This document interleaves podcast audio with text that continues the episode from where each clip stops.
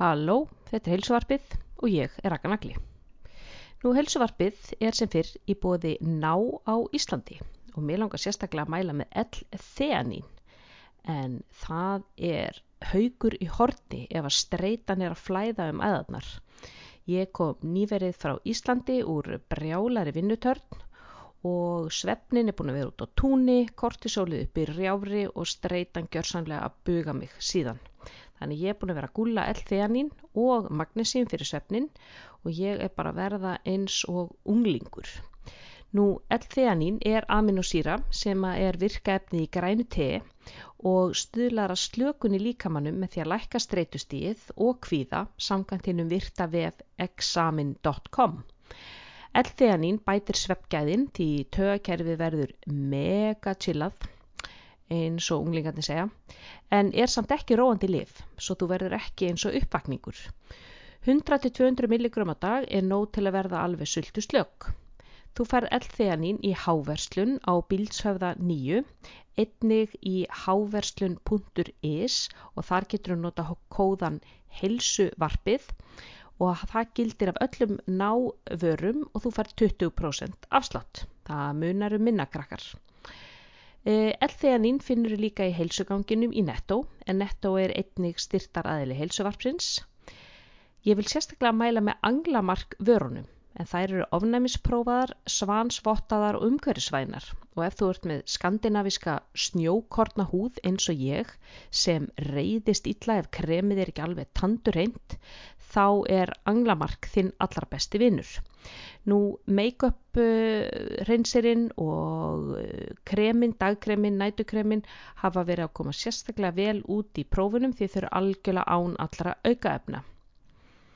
E, þú færð allar þessa vörur að sjálfsögðu í netto.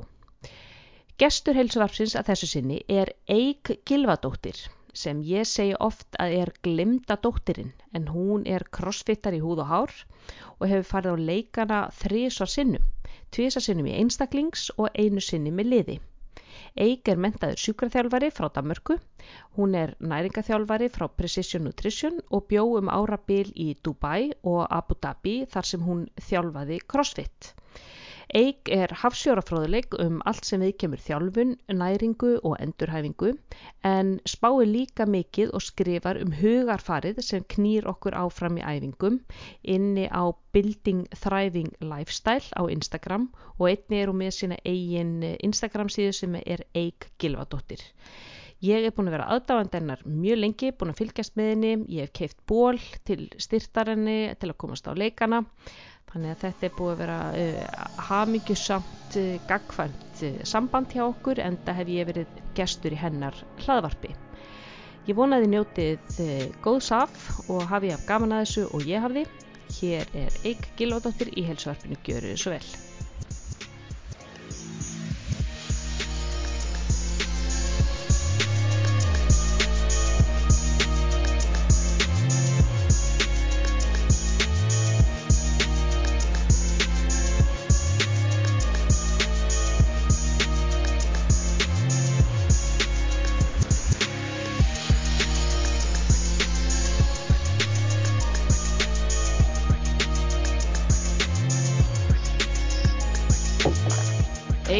Eik Gilvardóttir, Mm -hmm. sæl og blessuð. Góðan daginn. Heyrðu, nú ert þú að launa mér greiðan. Við erum Mhm. hérna búin að, ég var í podcasti á þér og þú sagði mér, þú hefði fyllt mér síðan bara 2007 en ég semst er búin að fylgja þér síðan þú bjóst í Danmörku. Já, En ja, það er bara komið tími til að segja þér áður en þú fluttið til Dubai. já, við vorum alltaf næstu í átti í Danmörku. Já, þú varst á í Norvest eða ekki? Eh, eða sko, ég flutti náttúrulega meðaltala einu svona ári, þannig að ég, hérna, eh, ég var á tveimur stöðum á Nörrebro og svo í Norðvest. Já, einmitt. Þetta er svona bara klassíst þegar maður flyttir til Danmörkur og flyttir maður svona allavega einu sundi tvisar ári til að Já. byrja með. Mm Já, ég held samt að ég hef verið með, ég, sagt, ég á öll sögursikringskortin mín og ég á sem sagt 11 sögursikringskort fyrir 8 ár, þannig að það er svona Já, kannski aðeins rúmlega. 11 sinnum á 8 árum. Já, Já, geggjað. Að svipa hjá okkur, við hlutum held ég 13 sinnum að áður en við keftum íbúðun okkar, já, 13 sinnum á 7 árum. Já, keftu íbúður eitthvað 2016 ég sagði ég flytt aldrei. Ég fer hérna út í líkistu. Ég- ég er búin að flytja fyrir lífið. Það er líka alltaf, að flytja, af fymtu hæð sem er, þú veist, í Danmörku að telum að fyrsta hæð er, Mm. þú veist, þegar maður kemur fyrsta hæð upp, það er 0 og svo fyrsta, þannig að ég flytti af fymtu hæð yfir á, veist, sjöttu hæð og eitthvað svona, alltaf með sveppsófan og rúmið og, þú veist, og náttúrulega gerir allt bara sjálfur. Þannig að, já, að flytja 11 eða 13 sinum í Danmörku er alveg heill pakki. Já það er alveg heilt bakki sérstaklega mitt að fara upp allar þessar hæðir. Ég get ímynda mér að þú hefur verið svona orðin óvinnsalasta vinkonan. Bara ég er að flytja og allir bara hæ já nei ég er rosa busy. Nei, þess vegna var ég crossfit, það er alltaf ekki sterkir, þannig að það var ekkert mál. ég snild maður, allir ofta til í þetta. sunnudagsæfing Já. allir saman. Við ætlum að Einmitt. flytja hérna. Brjála bara, þú veist, lappaæfing döðans já. Engar liftur Nei, það er aldrei neina liftur, einmitt. En þú sérst bjóst í Danmörku og, og svo fluttur þú til Dubai, en, en fyrir, þú veist, eins og ég segi, ég var búin að fylgja þér heil lengi og veit náttúrulega allt um þig, en fyrir hlustendur sem að þekkja það ekki, ertu til í að gefa okkur svona synopsis um þitt líf? já, synapsis, sko ég er bara svona svolítið velvirk hef alltaf verið og hérna ég 2009 var eitthvað svona búin í mentaskóla, langaði ekki beint í háskóla, var ekki alveg viss hvað ég ætlaði að gera, langaði að hjálpa fólki. Um, og var búin með enga þjálfur námi hjá IAK af því að ég svona, þú veist, ætlaði bara að brúa bílið þarna ekki stóra milli mentaskóla og háskóla og var bara eitthvað að vinna. Og eitthvað svona, já, heyrðu, ég flytt bara til Danmörkur, sýsti mín bjó úti og ég er svona eitthvað að pröfum þetta og ég bara svona ætla að pröfa þetta í eitt ár og hérna, svo flutti ég til Danmörkur og byrjaði að vinna í Fitness World í Danmörku og það er náttúrulega geggjað að vinna í Fitness World, það eru mjög ógeðslega margar stöðvar og, þú veist, 2009 var þetta svona algjört væp að vinna í Fitness World af því að Mm. þú veist, það var svo mikið af ungu fólki sem að var að kenna og eitthvað svona Mm. þannig að ég hérna var að þjálfa tíma og hjólaði bara á milli og þú veist, gæt bara verið með bara miklu meira heldur en fulla vinnu, veist, að hjóla á milli og kenna hóptíma. Þannig að ég sem sagt byrjaði þar í Danmörku og hérna, Í hvaða fitnessvöld stöð varstu? sko heimastöðið mín var húsum sem að Mm. er, veist, fyrir ofan norðvesti eða þannig. Mm En, þú veist, ég var að kenna allstaðar, öllum stöðunum í Kaupanöfn, sko. Eins og ég segi, veist, þetta var eiginlega svona svolítið fyndið að maður, þú veist, kendi þrjá tíma þarna á mótnana og svo hjólaði með þangað og tengt, kendi þarna í hátteginu og svo hjólaði mér á næsta stað og kendi eitthvað þrjá tíma kvöldin, þannig að ég var alveg í veist, ég var að kenna step og body combat og eitthvað, þú veist, Erstu í Le Les Mills? Uh, ég lærði eitthvað í lesmiðlis já, en þú veist, fitness var með svona sitt eigið internal hérna, námskeið þar sem þeir kendu fitness þjálfurum.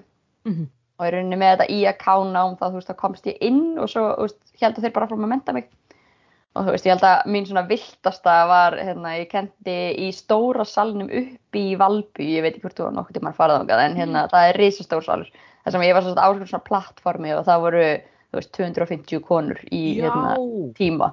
Þú veist, þetta var alveg svona megadæmi. ok, vá, ok. En En svo það var ég eitthvað, Það er búið að skipta um nafn núna, sko, fitnessvöld heiti Pure Gym.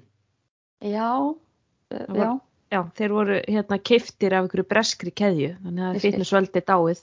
já, það er alveg leiðilegt, af því að þetta var alveg svona, veist, mega sensation. Mm -hmm, En hérna, svo var ég búin að vera að gera þetta og kannski svona orðin pínulítið brend á því að vera að kenna ógeðslega mikið og náttúrulega maður, ef maður að hafa eitthvað tekjur af þessu þá þarf maður að kenna ógeðslega mikið. Þannig ég eitthvað svona, ok, heyrðu, nei, ég fer í, hérna, sækjum í sjúkraþjálfarinn á mig Mm. og læri svolítið meira bara um líkamann. Þannig að ég flutti til Roskilde og var í sjúkraþjálfun í Roskilde og og hérna bjóð þar í tvö ár sem ég bjó í Roskilde og svo kláraði ég námið þessi þrjú og hálft ár en ég flutti til Nörribró og kláraði námið í Roskilde þess að þetta fór bara fyrir Mm. lestinni fram og tilbaka. Það sem að það er kannski ekki mest spennandi í heimi að búa Nei, í Roskilde. Eða þú veist, eða það var eiginlega verst að vini mín byggu í Kaupanöfn og ég var ofta að fara heim eftir þú veist, hérna, eitthvað djam í Kaupanöfn og sopnaði í lestinni og vaknaði í óðinsu eða eitthvað. Þannig að ég var alveg komið svolítið leið á því að Já. vakna í vitlisum morg. einmitt. búin að fá nokkra sektir í lestinni fyrir að hafa ekki borgað Já, þú veist, það sopnar þá ertu náttúrulega að fara langt yfir lesta með henni Já, sko. auðvitað, það er alveg 750 danskar, sko. Já, Já, sem er eitthvað fyrir, fá, 15-20 fyrir fátaka námsmann hefur það Já, verið bara alveg helling, bara, ok, ég borða það bara bönir, það þetta er. Já, Já, og líka svolítið leiðilegt, þú veist, ég var í Óðinsvið og bara eitthvað, uh, það er ekki lest aftur fyrir klokkan átta, þú veist, ymmit, hvað gerir maður þá? nákvæmlega. Já, þannig að þá fluttur þið bara til Nörrebrú og, og klá, gast klára skólan svona í hálfgjöru fjarnámi eða þú veist. Nei, hvað- nei, þú veist, það ég fór hverju degi í lestina, en þú veist, Ok, lestin er bara 20 mínútur, þannig að þetta breyti ekki miklu, sko. mhm, En já, það var bara það sem ég var að gera í, Danmörku svona. Og svo einhvers staðar á síðasta árinu mínu í sjúkraþjálfaranáminu, þá hérna, var ég komið svo leið á því að vera alltaf að hamast við að búa til prógramið mitt sjálf. Mm. Hva, þú hvað mennur þau?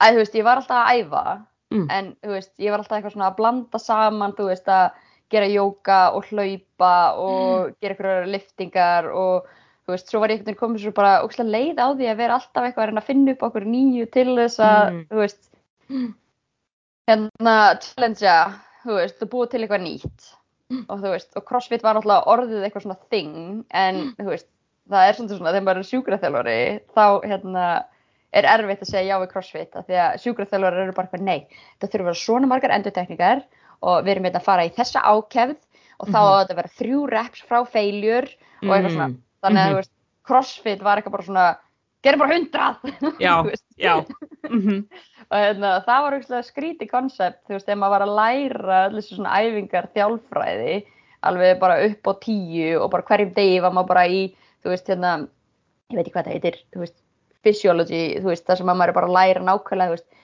hvernig rafbóð kemur í vöðvan mhm. hvað gerist hvernig, þú veist, hérna, spennan breytist og þá verður samdráttur í vöðvunum, þú veist, og svo er maður bara í crossfit á hinum meginn, þar sem er bara eitthvað gera bara meira farið bara Já. hraðar, þú veist, þetta er Mhm. eitthvað svona já, þannig að það var eiginlega svolítið svona, svona skref að fara út úr því að vera að gera eitthvað svona mjög struktúrerað æfingaprógram yfir því að fara í, veist, tíma þar sem að var bara, veist, algjört kaos, í gangi. Já, varstu Já. þá að lifta meira svona bodybuilding style eða þú veist svona kontrollerar, þú veist kontrolleru reps og fylgja, þú veist, þrjú, fjögur sett, þú veist, varstu í þannig pakka?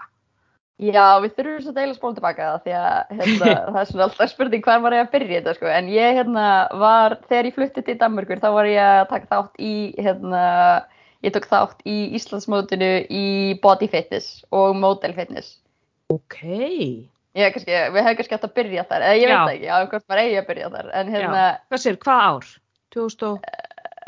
ég ætla ekki 2009 2009, 2010 eða eitthvað svoleiðis. já, já, já, já, hérna, ég tók þátt í model fitness fyrst Mhm. og var þá náttúrulega, veist, bara búin með eitthvað eitt og hóllt ára af einhvern svona liftingum þannig séð. Og hérna og náttúrulega bara hrikalega skorinn 50% og ógeðslega, ég held ég að við farið niður í, veist, 48 kíló eða eitthvað sem Nei, svona, til viðmiðunar þá er ég 60 í dag, sko. Þá hérna, 40 á að fara undir 50 kíló, það er rosa. já, en ég er samt ekki há, sko. En ég var heldur ekki mjög mikið eftir en hérna já, ég tók þátt í hérna, body fitness. Og svo fannst mér eitthvað svo kjánulegt að gera þetta, veist, þetta eh, sko, model fitness var þá akkurat að fara, það, veist, það var tekið út dýfur og upphýfingar sama ár, það veist bara þrem vikum fyrir mót þá ákveður þetta ætla ekki að hafa dýfur og upphýfingar þetta árið í model fitness Mm. sem að hafði verið árin áður. Þannig ég eitthvað svona, ó guð, er þetta bara eitthvað svona, veist, eitthvað svona Barbie dæmi af því að ég er ekki Barbie Nei, nei, dæmi, það er ekki fyrir mig. Þannig að ég tók þátt næst í sagt, body fitness og þá var ég náttúrulega bara allt og lítil með að við stærðina hinnum þannig að ég var alltaf að lifta þú veist, Mhm. af því að ég var mjög smá mhm, og svo fannst mér ógslag gaman að hlaupa þannig að ég var alltaf með svona viðmið að ég var að lifta og svo vildi ég geta hlaupið 5 km veist, í kringum 20 mínútur og það hefur einhvern veginn alltaf verið bara svolítið svona Mhm. viðmiðið fyrir mig að þú veist, mhm, verið góð hlaupaformi og vera ógslag sterk mhm. þannig Já. að það var svona þú veist, startpointið áður en ég byrjaði í crossfit var þú veist að ég var samt búin að vera að gera þól og styrtaræfingar. Já, þú varst með grunn þegar þú ferði inn í crossfit, en langaði þér ekkert að keppa aftur í fitness? um, sko, fyrsta móti gekk mjög vel og bara gekk ágætlega að þú veist að skera niður og ég var bara lág í fytibröstu og eitthvað svona og svo var einhvern veginn svona millibils ástand á milli fyrsta mótsins og anna, annars mótsins þar sem að þú veist ég var að bæta mig vöðvum og ég var að borða ógslag mikið á milli. Og svo á öðru mótinu var svona svo líka minn hefði bara verið mjög þreyttur á þessu sagt, eitthvað fara fram og tilbaka og þú veist eitthvað. Þannig að það varð miklu erfiðar að skera í annarskiptið og það fór bara allt í klessu með þú veist bara hormóna, ég var bara með eitthvað svona, blöðrur hormóna þú veist, bólur þú veist, já, sem að þú veist, ég hef aldrei fengið bólur ekki einu svona þegar ég var úlingur Mm. hérna, og þú veist, það fór einhvern veginn bara allt kerfið í algjörða svona klessu þannig ég hugsaði svona, já, heyrðu, þetta er örugglega kannski ekki beint holdt fyrir mann að gera þetta oft og reglulega. Mm -mm. þannig að ef maður ætlar að taka þátt í þessu þá maður, þú veist, að byggja vel taka nokkur ár í það og svo keppa og svo bara ekki að keppa aftur í svolítið langa tíma. Ég er ekki vissum að maður eigi eitthvað svona að vera að pressa líkamann sinn í þetta oft og Mhm. svona reglulega eitthvað Nei, þetta er, ég- þetta er nákvæmlega sama upplifun og ég fekk. Þetta var svona, að keppa hérna á 2007, til að keppa aftur næsta ár. Og Já. þú veist, hva- hvaða bætingar gerir á einhverjum, þú veist, átta mánuðum sem einhver natúral lítil kona, þú veist, það gerist ekki neitt. Lema bara henni ennþá í streitu ástandu og ennþá þreyttur og, og hálfa eitthvað rugglaður og svo ferður bara að setja aftur þetta álaga á hann og það fer allt í fjandans. Já, það fór svolítið svona í kerfi og veist, það var aukslega, veist, að því að veist, ég mæla ekki með þessu fyrir alla en ég var náttúrulega að taka svona svolítið vísindarlega nálgun á þetta og veist, var að læra um, þú veist, fita er svona mörgar kaloríur, skilur ef þú Mhm. skerð svona mikið þá léttustu svona mikið, þannig ég var einhvern veginn, þú veist, kannski, þetta var eiginlega svona vísindarlega rannsókn, þú veist, virkar Já. þetta sem að er, þú veist, verið að segja og í staðin fyrir að bara svona fara eitthvað svona algjörlega ós, hérna, kontrollerað stúdíu á sjálfur sér þá getur maður gert þetta einhvern veginn svona þannig að maður læri svolítið. En þú veist, í rauninni það sem ég lærði er að það eru bara takmörk fyrir því hvað maður getur sagt, þvinga líkamann sinn út í. Og hérna og þú veist, og það er alls konar svona eins og, þú veist, eftir annað mótið þá var ég að vakna um miðja nótt og borða, þú veist, lúkur af jarðnetum af því að það var Mm. eina sem að mér langaði það var bara eitthvað svona salt og feitt Mm þú veist, líka minn var bara í eitthvað svona algjöru survival mode og ég hugsa að þetta sé svo svipað og þú veist, óléttar konur sem tala um að það sé bara með kreifing í hérna brauð með smjör og osti. Mhm. þú veist, það er bara eitthvað svona, líka minn er bara eitthvað ég þarf meiri orku. Já, bara, þú veist þú veist, einhver sem að bara, þú veist, var að fá sér hérna smjör með skeið og bara, ég veit ekki hvað er að mér, ég bara held að sé eitthvað að er eitthvað, það er ekkert að, líka minn er bara að gera nákvæmlega sem að, þú veist, hann þarf að gera Já, hann er knýjaði áfram í að, sækja þér hittaeiningar, hann veit alveg hvaðan þær koma, þannig að Já, hann já. býr til kreifings í, þú veist, fyturíkan, kaloríuríkan mat, eins og hnetur eða smjör eitthvað skilur, Mm. þú farið ekkert kreifings í brokkoli skilur. nei, null sko, bara kúaðistu brokkoli Já, em, er ekki eitthvað matur sem að þú hefur alltaf getað borðað síðan þá? kjúklingabringur Já, ég er ennþá í erfiðleika með kjúklingabringur af því að það er bara eitthvað svona, þú veist, alveg get Já. ekki hugsað mér að borða kjúklingabringu. En ég get bara kjúklingalæri og ég get bara pulled chicken en ég þarf sagt að breyta kjúklingabringum í pulled chicken til þess að ég geti borða já, já, já, já, þú þarfst að bú, búa til aðra áferð það á þeim, já, einmitt. Ég var svona með kjúklingabringu líka, það tók mig lá, mörg ár, ég bara, ég, ég gæti ekki borða þær. En eða veist, við erum að tala um að það eru næstu 10 ár sko, eða það eru næstu 15 ár núna sko Já, þetta er ótrúlegt hvað þetta sittur. En þú veist, túnfiskur er eitt sem að, og túnfiskur og kotasæla, það er eitthvað sem ég mun aldrei borða á æfinni, sko. Ég, Nei, bara, ég, ég kúast bara. Það Já. er fyrir mér eitthvað svona megrunar leiðindi, ég tengi bara rosa neikvæða tilfinningar við þann mat. já, sko. ég skil, Mm, já. Þannig, mjög áhugað hvað gerist já, þannig, og svo, og þú hendir í crossfit, þrátt fyrir, þú veist, að sjúkarþjálfarinn í, inn í þér sé alveg gargandi bara. nei, hann var ekki gargandi sko Nei, hann var bara eitthvað svona, þú veist þú ætla bara, þetta var svona þú veist, þú ætla bara að finna vísindalegu hluti hliðin á þessu Þú veist, það Mm. hlýtur að vera eitthvað science á bakvið þetta og hérna og ég, bara eins og ég segi, það var ég bara þreytt á því að vera einhvern veginn, ég var alltaf að reyna að finna einhver ný liftingaprógram mhm, og svo veit ég ekki hvort að þú hefur ekkert um að upplega en þú veist, ef maður prógramar fyrir sjálfan sig þá breytir maður því líka sama Mhm. Dag mhm, að því að maður er eitthvað, já, ég ætla að gera hérna, þú veist, eitthvað 5x5 þennan daginn og svo Mm. ætla ég eitthvað að gera eitthvað annað svo kemur maður og maður er eitthvað svona pínu þreyttur og maður er eitthvað æ, ég tek Já. bara svona í dag æ, það er Mm. bara betra að taka bara 3.10 eða eitthvað svona, Mhm. þú veist, þannig að maður Mhm. breytir bara alltaf einhvern veginn, það er Mhm. stanslust svona En ég cherry, pi cherry pickar bara svolítið líka Já, eða alveg hinum meginn þar sem að maður bara neyðir sig að gera allt sem er ógeðslega leiðilegt og erfitt af því að maður er lélugur í því og þá er heldur ekkert skemmtilegt að fara á. Nei. Þannig að ég, hérna, bara var eitthvað, já, ok, ég fann grúpon tilbúð í CrossFit Copenhagen og ég bara eitthvað, ok, tek bara þrjá mánuði þarna og þá getur ég kvílt mig á meðan. Mhm. Þú veist, þá þarf ég ekki að vera að hugsa um þetta. Það var líka, þú veist, námiðin alltaf, þú veist, að að læra að vera sjúkraþjálfari, þú veist, ég veit alveg að það er fullt af lestri í alls konar námi, en sko, við vorum með gigantíst magn af, Mhm, þú veist, lestri, að maður er svo rosalega mismunandi fögum, þú veist, Mhm. bæði mannlega hliðin sem maður þarf að vera rosalega góður í og náttúruvísindin og, þú veist, allt. Þetta var eitthvað svona bara mega hefi. mhm, Þannig að ég skellti mér í crossfit og ég held að ég hafi náð að fara í tíma kannski mánuður áður en að það var sagt búið að spotta mig, veist, og mér var búið að koma í úrtökur fyrir keppislið. ó, vá, ok Þannig að ég, þú veist, var í mínum Five Fingers í Já, kirkjunni á Nörbró. nei, Church of Pain Yes, yes, yes. Og hérna, ég náði að fara tíma í mánuð áður en að mér búið sagt, að koma í úrtökur fyrir eitthvað keppislið já, og þú veist, og ég sér úrtökum fyrir þetta keppnislið, þá það var náttúrulega allt þetta fólk sem hafa búin að gera þetta í ykkur ár og CrossFit Copenhagen þeir fóru á heimsleikana 2011 ef ykkur hefur áhuga að skoða það, þá er gott YouTube-vídeó Mm. af sagt, fólkinu sem er svona þeir sem byrjuðu í CrossFit í Kaupmannahöfn. Sem að fóru á heimsleikana. Þau eiginlega buðu sér sjálf. Þau báðu Dave Castro um að bjóða sér sem sagt. ok. Og það fór lið frá CrossFit Copenhagen 2011 vá, það, með það er bara eitt af, eitt af fyrstu leikunum. Voru þeir, á, voru þeir á ransinum eða, Já. já, ok og þetta er eitthvað svona mega sensation ég mæli með að horfa á þetta ef maður hefur áhuga á þessu og hva, hva, hvernig getur maður fundið þetta YouTube myndband hvað maður að Eh, setja inn er ekki bara CrossFit Copenhagen og Games eða eitthvað, ég veit það ekki já, já, já, maður finnur þetta einhvern veginn Já. Einhvern veginn. Á, ok. en hérna, já, það var sérst í þessu, og þetta fólk sem var sérst í þessu liði var svona einhvern veginn að byggja upp þetta keppnislið í CrossFit Copenhagen Mm.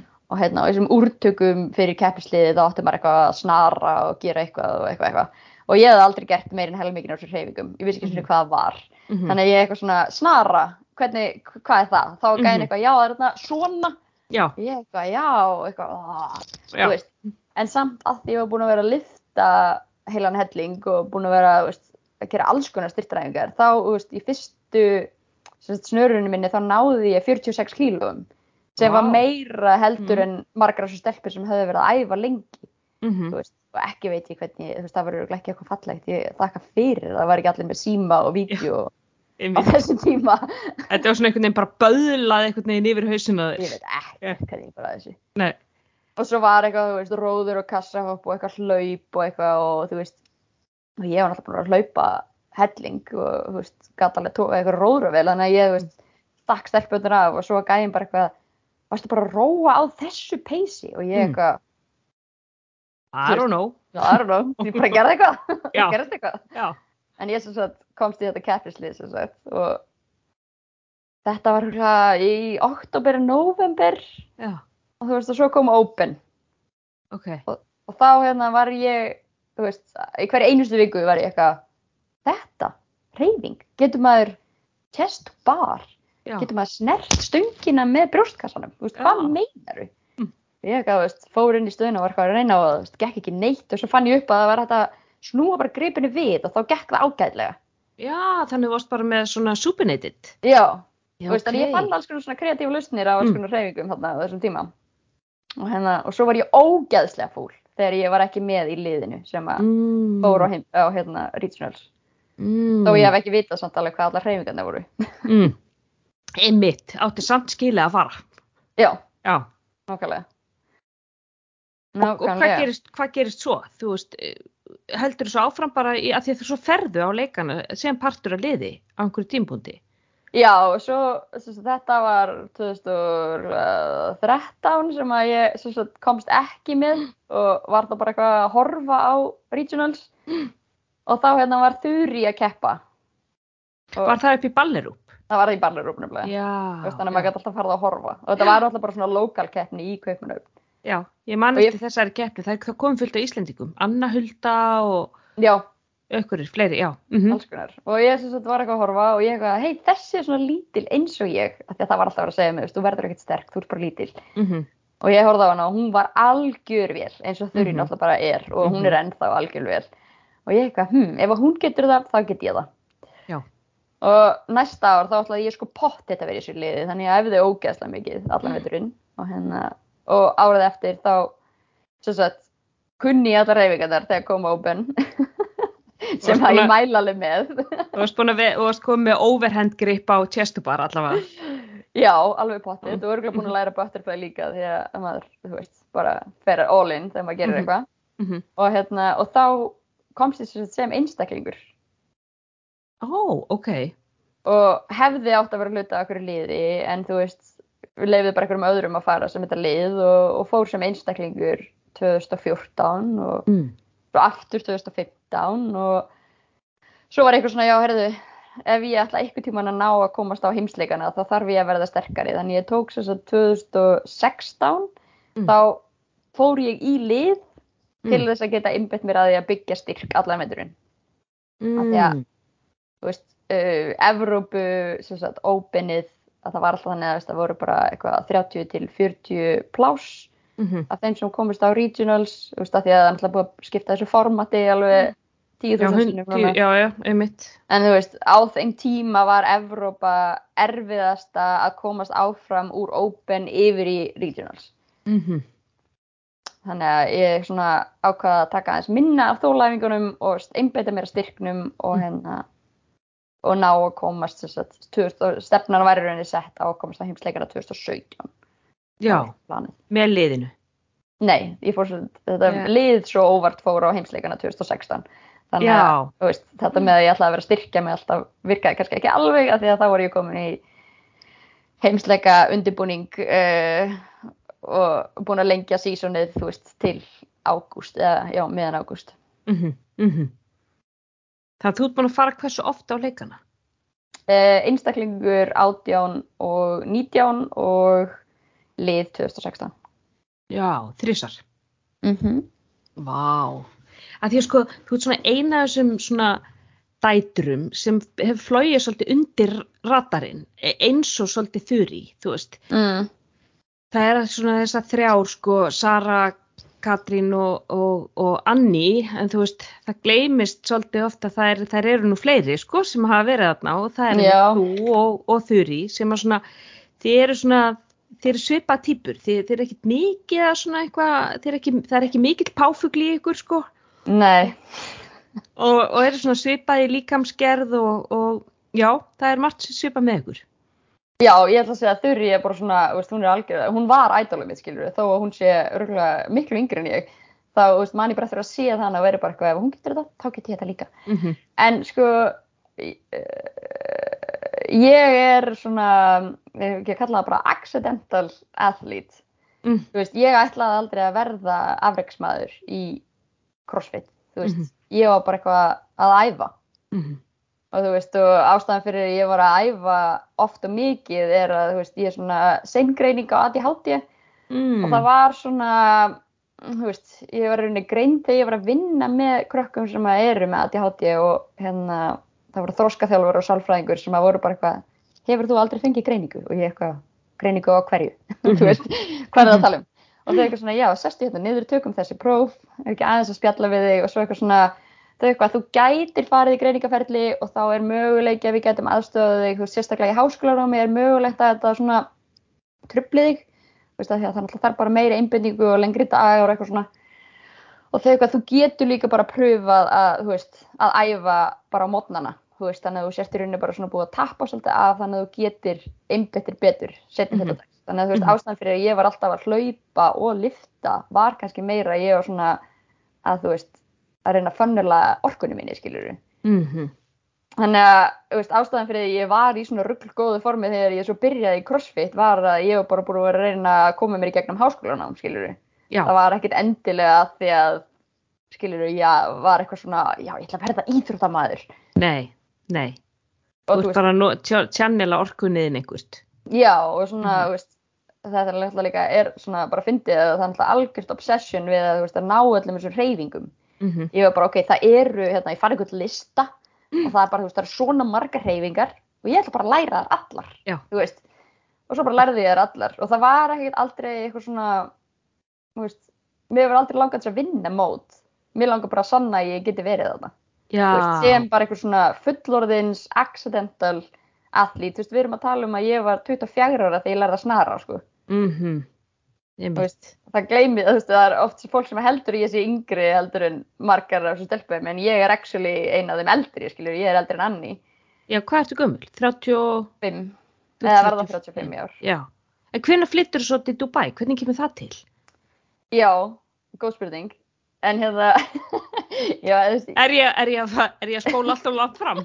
nei, það var 2016 því ég var á heimsleikurum uh, í LA, sem voru síðustu heimsleikarnir í LA, ógeðslega glöð að ég náði að upplifa það. Á Carson, eða þarna já. Step Up, já. áður en þeir fóru með þetta til Madison en hérna þá fekk ég uh, message á Instagram þar sem að var verið að spurja hvort að uh, ég hefði áhuga á því að koma og vinna í Abu Dhabi Mm. og ég eitthvað Abu Dhabi, hva, hvar er það? Mhm, Við mitt. og hérna og leitaði þetta, þú veist, googlaði hvar Abu Dhabi Mhm. veri og er í saminu fyrsta ríkinum og ég eitthvað svona hmm, að því að þú veist, það verður eiginlega að fylgja sögunni að þegar maður býr í Nörrebró eða í Norðvest þá er maður í sem sagt, muslima dominant svæði Mekka múslima bara í Danmörku, sko. Danmörku Já.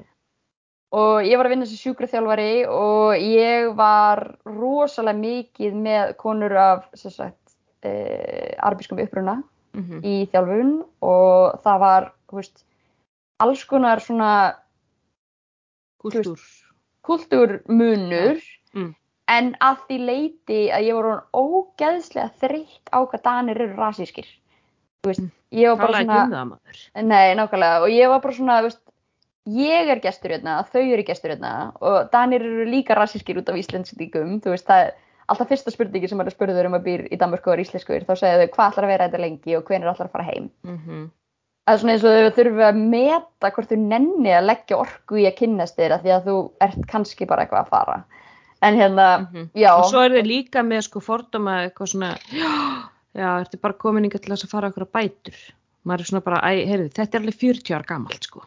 Þú veist. já, en þú veist ég var samt að eiga við rosa mikið af fólki sem að var á bótum og ég var, þú veist það eru svona alveg nokkri sem sita í mér þú veist, sem sjúkraþjálfari sem ég man alveg sérstaklega eftir.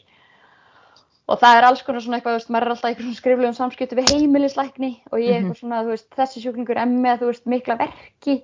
Og þá fekk maður svar, já en þau eru arabísk, myndu að draga þrjá frá, þú veist, að því að maður tala alltaf um verki á skalanum 0 til 10 Oh. og þá, þú veist, eru skandinavar sem að segja 5, það er 5 Íslendingar sem segja 5, það er 10 og hérna, arabar sem segja 7, það er 3 Já, að þeir, þeir íkja á meðan að við drögum úr verkefni. Já, Mm. og mér það svolítið vandamála því að veist, þetta eru subjective sem sagt, Mm. mælingar Mhm. og ef að heimilislæknir skrifar þér og segir já, myndi nú að draga svolítið frá þetta er nú ekki alveg eins slæmt og hún er að segja þetta sé Mhm.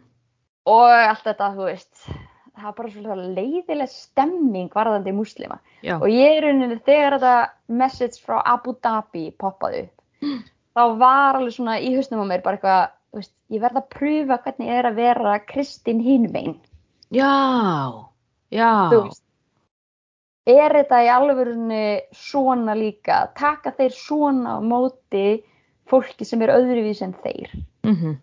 Af því að þeir eru náttúrulega að verða fyrir svo ógeðslega miklum fordómum það sem að Mhm. þau eru þannig að það var alveg svona veist, veist, það að Abu Dhabi var langt í burtu og framandi og öðruvísi og eitthvað og ég var alltaf eitthvað getur maður verið í stuttermából eitthvað, og hérna, og Ég þegar meina ég pakk, e e eðlilegar pælingar, þú veist, ég meina maður veit ekki neitt.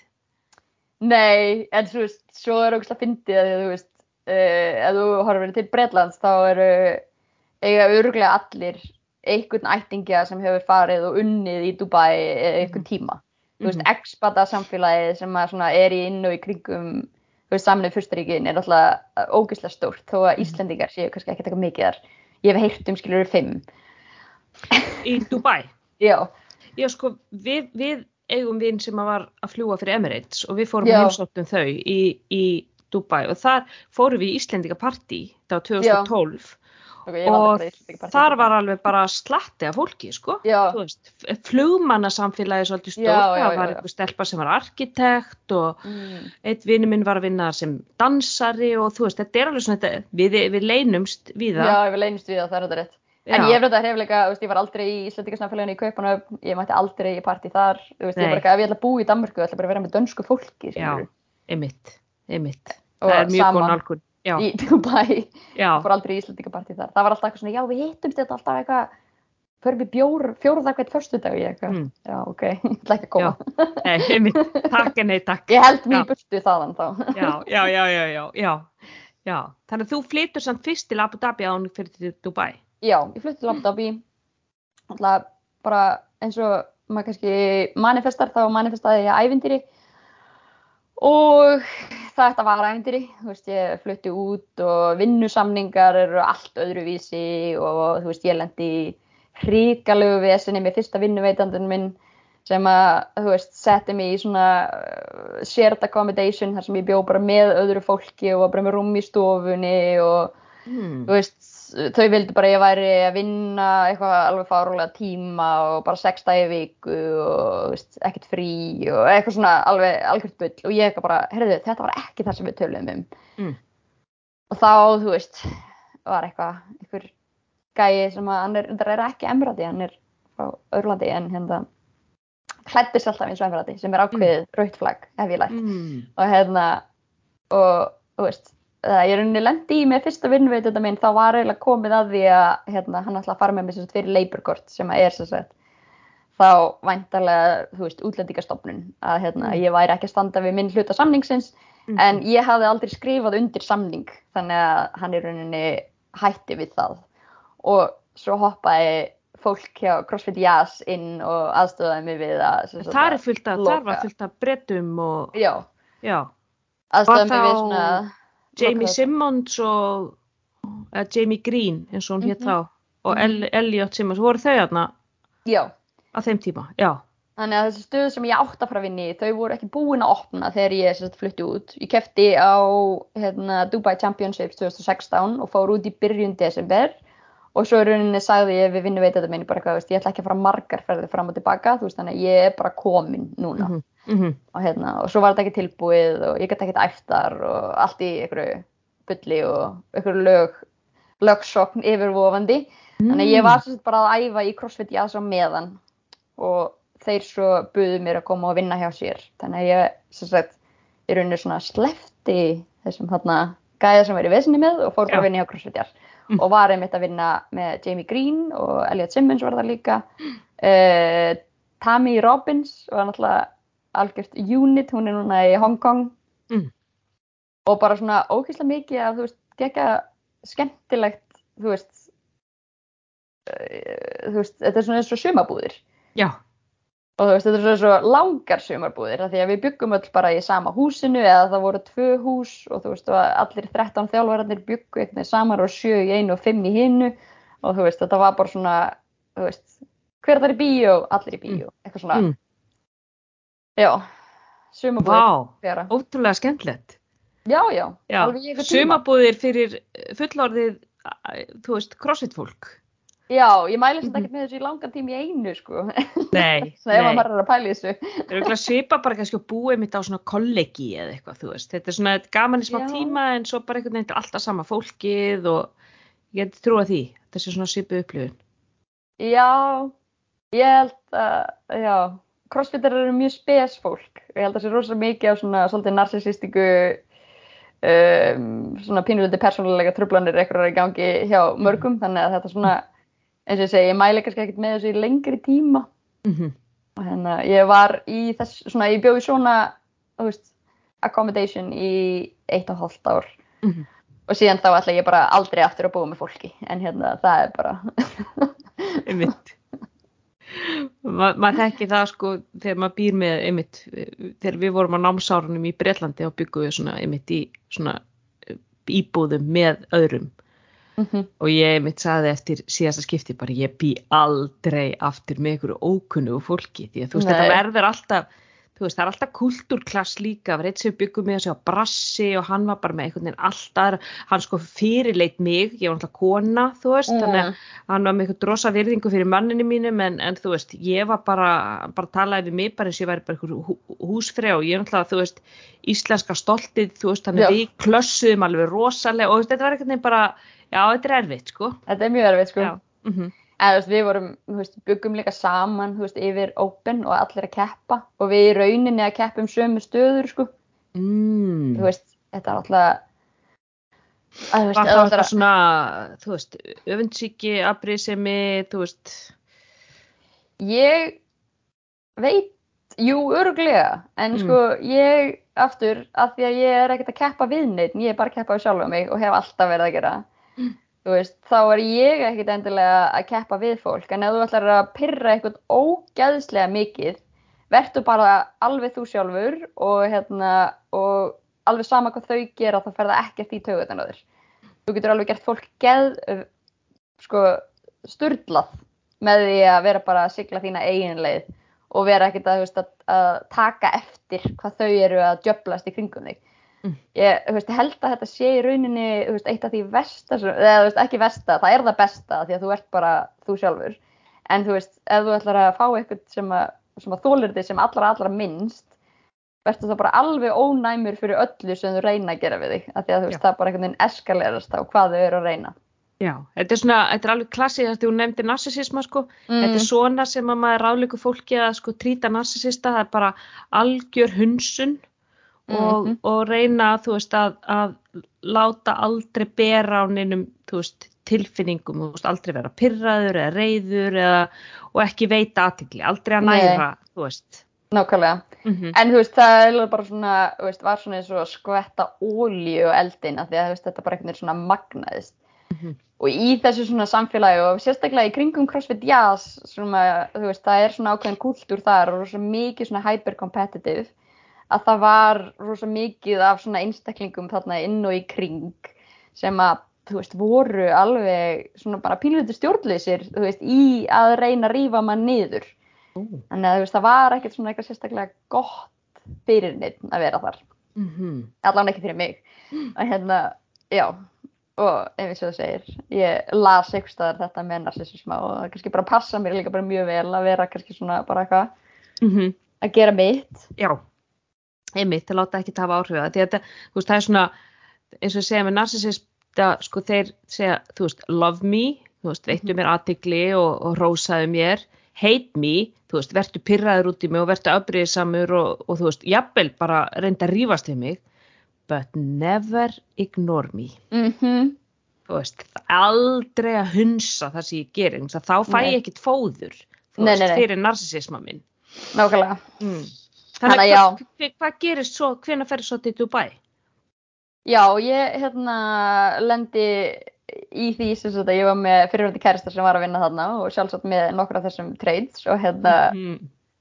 og þegar uh, við sem sagt, gátum eiginlega ekki unnið í sömu stöðu því að það einhvern veginn virkaði ekki þá Mm. hérna, endaði það þannig að ég var sem sagt rekin frá CrossFit Jazz og bara takti töskundiðinnar og farðu heim sagt, til Evrópu bara við borgum flugmiðin ef þú ferð á morgun Sögðu þeir hjá CrossFit Jazz? mm Já, ok, bara -hmm.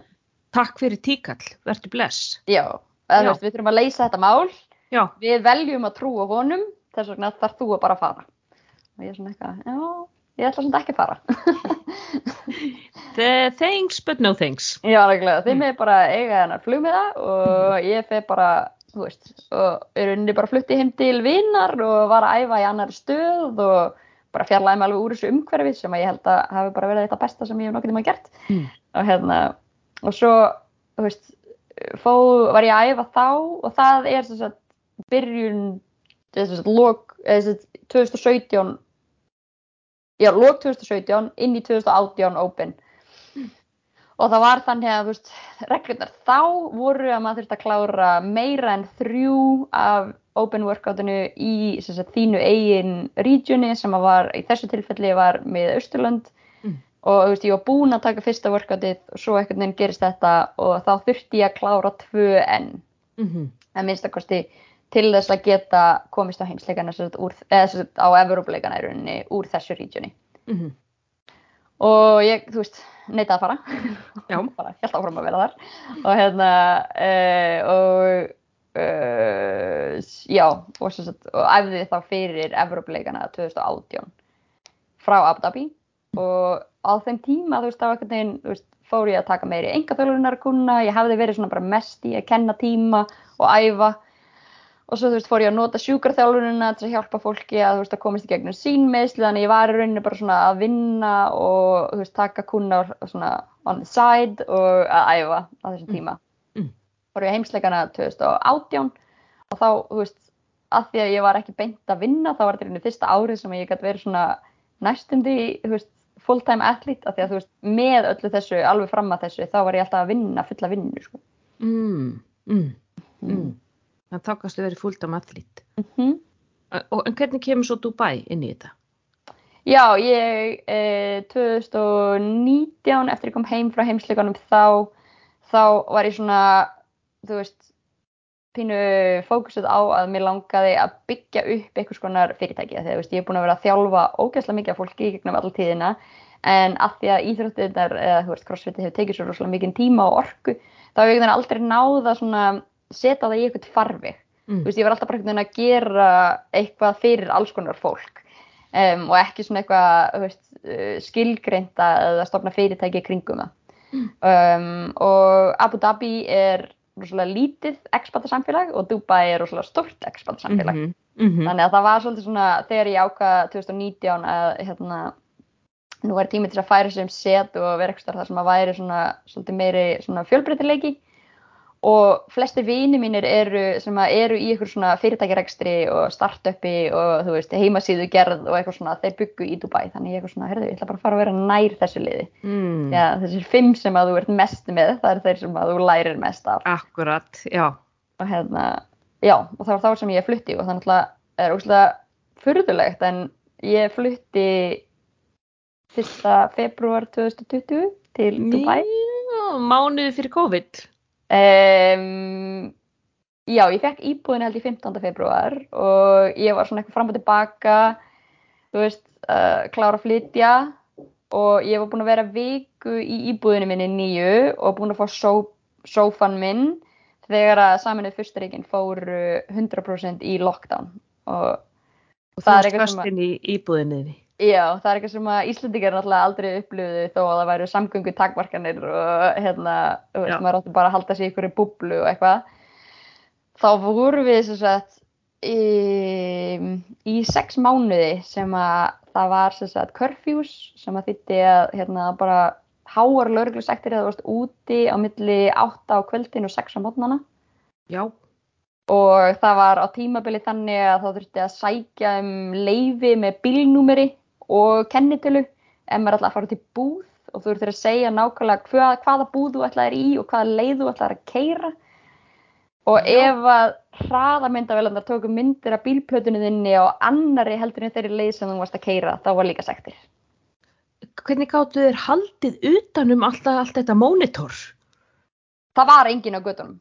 Veist, Nei, ég, bara, er ekkert vissum að veist, þeir sem hafa komið til Dubai og vita veist, hvað þetta eru, þetta eru átta, átta agrina hraðbrutir og einhverjar umferðaflækjur og þetta er allt bara eins og einhver rússipanni og þú veist, Íslendingar sem kom að keira þarna bara er bara hó, þú veist Nei, Ég fekk kultúrsjokk þegar ég kom til Dubai. Ég, ég, ég, ég vissi eiginlega ekkert að- hvert ég var að fara eða þú veist, ég, hafði bara, ég, ha- ég, ég googlaði ekki neitt. nei, Ég bara fór og við vorum að fara, það var hérna Of Monsters, þessi menn voru að spila úti á Pálmannum, hann út á mm -hmm. Hó, hótelinu, hann allt Atlantis. Jumeir, Jumeir, já Atlantis, já. Já. Og það var eitthvað hátíð og eitthvað og þessi vinnur okkar sögðu bara nú komið í heimsókn og við fyrum á þessa tónleika. Og við bara já flott og eitthvað, þetta var í oktober og við komum og í fyrsta lagi náttúrulega bara þú veist, þegar þú lappar út úr þessari flugstuð þá var bara svo að lappa inn í bakarofn. Og ég Já, eða henni gufubað, af því það er svo rægt. Já, og ég er bara einhvern sokkaböksum eitthvað, ég fyrir bara aftast í bílun og ég er bara að byrja að tæta múr öllum fötunum, ég er bara að kapna Já, og svo, þú veist, fer ég í ræktina daginn eftir og þú veist, finna hvað ræktin væri og þú veist að koma út um morgun, þannig sko sjö um morgun sem maður er vanur að koma út í svona ferst, svona krispi, þá bara aftur bara gufubæðið, þú veist, Já, og ég bara, hvað ógeð er þetta? Og, og svo var það sko, svo byrja ég að spyrja fólki, ég segi, já, heyrðu, hver er hérna einhver heilsubúð? Já, er hún langt frá, þú veist, hv- hvað leið myndi ég lappa? Og þau bara, Labba? lappa. Það, þú, lapp, lappa hvert. þú lappar ekki, það er ekki og ekki gangstjættar. Nei. Og þú getur aldrei lappað svo ógeðslega heitt og ég bara byrju, hvar er ég eiginlega, þú veist, Já, og þetta þú veist, að það er reverse bara, Ísland, sko. þetta er reverse Danmörk, þú veist, þú getur Já. ekkert, þú getur ekki lappa, þú getur ekki hjóla, þú veist, það er bara Nei. bíl, bíl, bíl, bíl, bara, og ég sagði, ok, hvernig á ég komast, ég er ekki með bíl, það er bara legubíl, kostar ekki neitt. Nei, það kostar þetta ekki neitt. Nei, þannig að þú veist, þetta var, já, þetta, ég fekk alveg smá kultusjokk og ég, og ég, ég hef oft sagt þetta, við langar eiginlega aldrei aftur þarna. Þú veist, ég, ég, einhvern veginn, ég bara svona eitthvað, mm, Sko, ég aftur, að því að, að, að nákvæmlega sama pingið og kom upp í hausuna mér þegar að, þú veist, ég hafði tækifæri til að fara að sjá, eru múslimar jafn óvinarlegir og kristið Mm. fólk þegar það kemur í heimsók. Þá er, sko, þessi svakalegi munur gerir það að verkum að maður, veist, tegir svolítið sitt eigið skilningssvið mhm, að því að ég hef þú veist, ég tengi ekki við fólk sem að býr til dæmis í New York og þegar fólk talar um stressið í New York. Og Dubai er svolítið svoleiðis að hérna, þú veist, þetta er svo allt, allt öðruvísi að þú getur eiginlega ekki ímyndað þér það. mhm, En þú veist, þegar við, við þurri, við fórum hérna, þú veist, tveim vikum fyrir móti 2016 og við flugum saman, hún kom til Kaupmannöfnar og svo flugum við áfram saman og sóttum einhvern bílalegu bíl og þú veist, við komum út á hraðbrautina og við vorum báðar bara, þú veist. einmitt. Ég hef aldrei viljað keira þarna, vá, það er bara kútos að þið hafi gert ég lagt í bara það. er þakklátt fyrir að ég hef bara komist í gegnum það lifandi svona Já. fyrst um sinn en þú veist, ég líka er kannski bara svona svolítið típan sem að bara fer út í eitthvað sem er hróðalegt af því að mér finnst það geggjað veist, Mhm, ég veit ekki hvort það sé þarna ADHD er, þú veist, ég funkar ekki í svona daglegu eitthvað bla bla.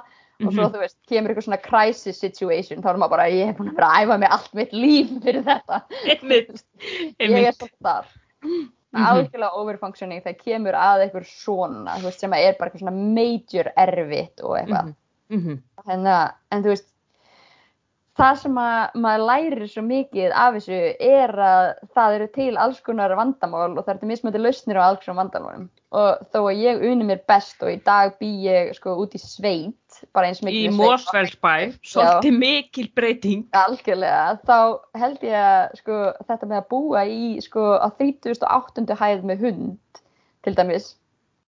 Þú veist, þú leysir vandamál allt öðruvísi. Mhm, og það getur verið ógeðslega algengt eins og hér núna, veist, all, allir fengur svo hund í COVID, skiluru, Mhm. og svo er bara annar hver hundur komin inn á dýrahjálp.is þarf að finna nýtt heimili, hef ekki tíma til að reyfa en sko, ef þú býrð í Stórborg þar sem að er malbyggað allstaðar og ég fekk mér hund sem að er blanda af þremur vinnutegundum, hann er husky, shepherd og hérna veiðihundur þú veist, byttu fyrir þér. En þú veist, mhm, ég var með hann sem kvolp og bjó hátt uppi, skilur mhm, þá leysir maður vandamál öðruvísi Já, ég sá lést hann draga þig á hjólabretti. Jöp. Þannig að þegar maður var svona eins og gufubað heitt og það er bara þannig frá svona apríl til loka november þá er yfirleitt bara svona næstum því yfir 38 gráðum þegar þú vaknar á mótnana. Þannig að þú getur ímyndað þér sko Íslandingar sem fara í sólari frí til tenni Mhm, þegar það fer að nálgast 30 gráðunar þá er allir bara það er allt og heitt þetta, Eh, þetta er ógislegt. Og Já. þau bættu 8 gráðum við og það er þannig áður en að sólinn kemur upp. einmitt. Og Það- svona 80 Það er alveg 90% rosa raki. sjokk. Já, og rakin. Já, Já. og það er vist eitthvað svona allt yfir 60% raki, þá getur þú bætt við 3 gráðum fyrir hvert hérna, 10% eða eitthvað svona, það er eitthvað svona Mm. formúla fyrir þetta. Mhm. Þannig að ef það eru 38 gráður og 80% raki, þá er það í rauninni 43 ár. Eru Já, þetta er 43 mesti hiti sem ég hef upplefað á æfinni var þarna, það, það var þarna einn dag var 44 gráður þá Mm. vorum við nýri bæ og þú veist og raki ég veist að þetta var eh, þetta var bara ógeðslegt Já. Já. En þú veist, já eins og ég segi, þetta með að leysa vandamálinn svolítið öðruvísi er að þú veist Já. að ég til dæmis hljóp allt sömarið, alveg þó nokkur af þessum sömurum sem ég var, þú veist ég var sjö ári allt í saminuð fyrstaríkjunum og þú veist þá var maður bara að fara út að hlaupa eld snemma á mótnana Mm. og hérna, þú veist, maður breytti, þú veist, ég var ekkert að hlaupa eftir ykkur peysi á sumrin að því að þú veist, hjartað í þér er bara að berja, Mhm. skiluru þannig að maður leipur eftir hjartlæti og bara svona fer eftir, þú veist, þannig ákjöf og maður þarf einhvern veginn svona að leysa málin öðruvísi Mhm. og það er alltaf það sé eitthvað svo ógeðslega holdt að því maður getur svo fest í því að vera bara eitthvað nei, svona er rútinin mín, svona gerum við þetta og við ætlum bara alltaf að gera þetta svona. Af hverju, já þetta hefur bara alltaf verið gert svona. Þú, þú festist í þægindabublunni. Þarna það ertu þvingaður til þess að veist, hugsa út fyrir bóksið og, og bara Mhm. finna bara ok, svona survival skill og bara það er þessi þetta mannlega í okkur að aðlagast aðlagast Mhm. öllu þú veist. Það, það, það, þar kemur það bara ok hvernig finn ég út úr þessu Já, og halda áfram að pröfa. Ok, þetta Mhm. virkaði ekki. Þú veist, ég, hérna, ok, þú veist, ég fór einu sinni að hjóla, ég kefti mig hjól, geðveikt ánægð. Svo hafði ég eitthvað verið á okkur næturvakt eða kvöldvakt og vaknaði eitthvað seint og klukka var 10.30 og ég eitthvað, já, ég bara skelli mér hérna á hjóli hvort sem er. mm -hmm. En það fekk hrikalegt hítstrók, þú veist, það var bara, þú veist, bara, ég var alveg, þú veist, ég var bara með skjálta og Mm. þurfti að leggja mig og, veist, alveg í þetta var eitthvað svona, já, næst ég ætla að hjóla þá ætla ég ekki að fara klukkan 10.30. Þú veist, þannig að það maður, þú veist, maður pröfaði alls konar sem að maður, þú veist, verður þá að læra af reynslunni. Og ég held að sem þjálfari sem að, þú veist, ég er með kuna um allan heim, þá er ég orðin ógæslega svona mjög loose og flexible þegar kemur að því að mismunandi fólk leysir mismunandi vandamál eftir því hvernig umhverfis aðstæðan þeir eru í. Mm Þannig að þú veist, ef maður er að þjálfa ykkur sem er í kaupmannuhöf, þá er maður eitthvað svona, já, hvað getur þú gert? -hmm. Af því að þú veist, ef þú hefur bara umgengist alltaf bara Íslendinga sem að alltaf bara gera svona og þú veist, og það er bara, við förum í göngutúr, þú veist, eitthvað, ekki þegar það er vindur, þú veist, Mhm. þú veist, gangið er vel að komast í gott form á Íslandi. Þú veist, Já. þá er einhvern veginn svona, maður, maður verður að fara að spurja fólk svona meira opinu spurninga um, þú veist, hvernig vandamál ert þú með, hvernig ætlað þú að leysa þau vandamál, hvað gætu verið mögulega lausnir til þess að þú gætir komist áfram með þetta, veist, markmið sem þú ert með, af því að það er svona, já, svona tegir svolítið skilningin á hvað er hægt. Nákvæmlega, að því þú ert einmitt til að upplifa sjálf. En þú ert nefnilega með sko building thriving lifestyle Mm -hmm. og þannig að það er fyrirtæki sem þú stopnaði þegar þú ert í Dubai. Yes. Já, segja okkur aðeins frá því. Já, ég hérna um, í rauninni, þú veist, sem sjúkraþjálfari og aftur alveg óvart var íþróttamæður og, hérna, og hef alltaf verið bara mest að reyna að hjálpa fólki. Og það er svolítið svona stert, það er, er tvent. Í fyrsta lagi er að sagt, fólk sem að meiðist, mikið af þessum meiðslum er eitthvað sem að maður getur forðast af því að veist, þetta, þetta þarf ekki að vera svona erfitt.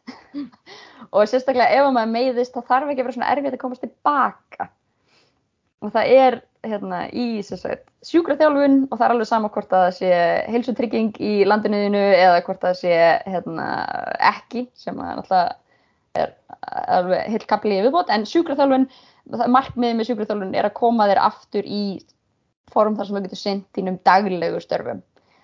Og dagleg störf er ekki að komast aftur í íþróttuna þína. Ah, dagleg störf er að fara á klósetið, lappa upp stiga með innkaupavörur að þú býr í Mhm. Danmörku uh, í Dubai er það að geta kert bíl á Íslandi er það, þú veist að geta lappað, skilur Mhm. að venjulega á Íslandi þarf ekki að endurhafa fólk þannig að geta lappað stiga því að það eru svo margir sem eru með, geta verið á veist, einni hæð, þannig að þú veist þetta hugtak með að, að hvernig þú klárar sjúkraþjálfun er þegar þú getur synt almennu daglegu lífi Mm. og náttúrulega ég hef mest verið í kringu fólk sem að æfir mikið og vill, þú veist, klífa fjöll og langar að geta alls konar með líkamannum sínum og þá Mhm. er rauninni líkur sjúkarþjálfurinni með að segja já og svo ferðu bara rólega á stað aftur í sportið þitt Já, ok. og ekkert frekar, neinar skýringar á því Nei. Og En ef bara að- bye bye. já, Já. Mm. og svo náttúrulega er, þú veist, afreiksfólk fær náttúrulega einhverja aukna þjálfun því að, veist, þeirra hérna, lifibröð er af því að nota líka sinn en, þú veist, hinn almenningur klárar sjúkraþjálfun þarna og svo Mhm. segir bara, já, farðu svo bara rólega á stað í hlaupið Mm hvað í fjárunum þýðir það? Hvað þýðir það? Hvað þýðir það fyrir eitthvað sem hefur brjála keppniskap og, og ætla bara, þú veist, eins og maður heyrir rosalega fólk sem að, já, fólk sem að dettur út kannski ykkur tíma, svo byrja það aftur og það reynir að sko taka sömu þingdur að vara að taka áður en það hætti, að reynir að hlaupa sama hraða og það fer allt bara, það fer allt á felguna. og á sama tíma þá er þetta sama fólk, veist, það fungerar ekki vinnu, það næri ekki alveg að einbytta sér að því að, veist, það vantar þetta outlet sem þau eru að nota Mm þau eru pyrruð og leiðileg og öskrand á makan og minni þólimaði fyrir krakkana og veist, þetta er svolítið svona þú veist, þú veist, maður hættir að fungera í sínu daglega lífi Mhm. þegar að er einhvern veginn búin að taka og ég er ekkert að segja þessu allir þannig sem lendi að meðslum en þú veist oftar en ekki fer allt á hrætt á stað eða gerur á mikið eða, eða hættir alveg að því nú eru þau hrætt við að það gæti eitthvað gerst þegar þau Mhm. koma aftur Mhm. um, þannig að ég sem sagt hefur það einblænum mig svolítið að því að hjálpa þessu fólki er rauninni að hvernig kemur maður aftur tilbaka þannig að Mm. nota sem sagt sjúkraþjálfuna reynsluna, þú veist að bæta við kannski einhverjum svona accessories æfingum og svo svona markvislega bæta ákjafð og intensity til þess að fólk sem sagt hlaði upp aftur og komist á þann stað sem þau vilja vera því að svo er líka annað, kannski vill maður fara eitthvað annað heldur en það sem maður þókar sem maður voru að stefna áður en að maður var að Mm. Mhm. sem maður getur alveg verið Mhm. þannig að það er svona ein hliðin á Thriving Lifestyles og svo er hinn hliðin er svo sagt þegar að læknirinn segir þér að taka bólgueðandi og kvíla svolítið Mhm.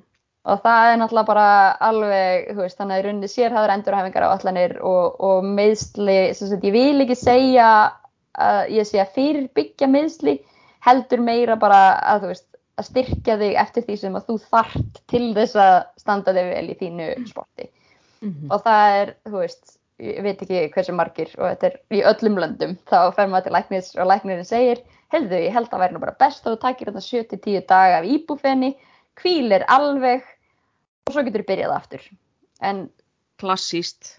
öll álagsmeðsli hafa það sammeðilegt að það mun ekki hjálpa þær að hvíla. Mhm. Og, og, og það er líka ekki það sem við viljum og það er að mæta þessu skilningsleysi, þú veist, já en sko ég þrifst á því að æfa Mm og ég vil einhvern veginn geta í kringum meðslin mín og, og þú veist, og, og, og maður horfir með dá, þú veist, ég sé svo oft í ræktinni að kemur kannski inn, þú veist, ég mann það var stelpa sem var í svona stígvél, svona, æ, þú veist, svona, hvað heitir Bút. það? Ankle Svona bút, eða- já, já. já, hún er greinlega Missti ég sig eða brotnaði eða eitthvað? brotnaði eða slítið uh, hérna hásinn eitthvað, hún kemur og hún er bara í skýerginu Mhm. og hún er að lifta upper body eitt strákur sem var í fatla, þú veist, með, með hendina og hann er bara á fullu í að sko að, að kærastar hans kom að hjálpa hann og hann er á fullu í sleðanum og hann var Mhm. bara örglega í mánuð eitthvað þar sem hann var að draga draga sleðan eða, eða þú veist, eða lappa með sleðan eða þú veist, draga hann eftir sér eða til sín eða þú veist, lappa aftur og bak Mhm. þú veist, að finna leiðirnar til þess að geta haldið áfram að hreyfa sig, af því þá Mhm. verður líka endurkoman svo miklu auðveldari. Já, algjörlega og þetta er náttúrulega, þú veist, samhliða, kannski þess að ég kalla það thriving lifestyle sem ekki, þú veist, æfum brjálað skilum miklu, eitthvað, skiluru, er að, veist, það er líka kannski góði tími á meðan maður er í svona meðslum að finna svolítið út ástæðar af hverju er ég að æfa svona mikið. Er það, þú veist, út af því að mér liður vel eftir æfingu og þessi velíðan, er ég að píska mig áfram af því að ég verð að vera duglegur eða er það af því að, þú veist, hvað er ástæðan fyrir því að þú sért að æfa svona mikið? Af því að uh, það er að æfa of mikið já, það er þetta of lítið. Það er þetta að æfa passlega þetta getur allt saman breyst svona eftir hvað þú veist, hérna ég ætla að segja season of life. Ég veit ekki hvað það myndi útleggast á íslensku. Árstíðir lífsins.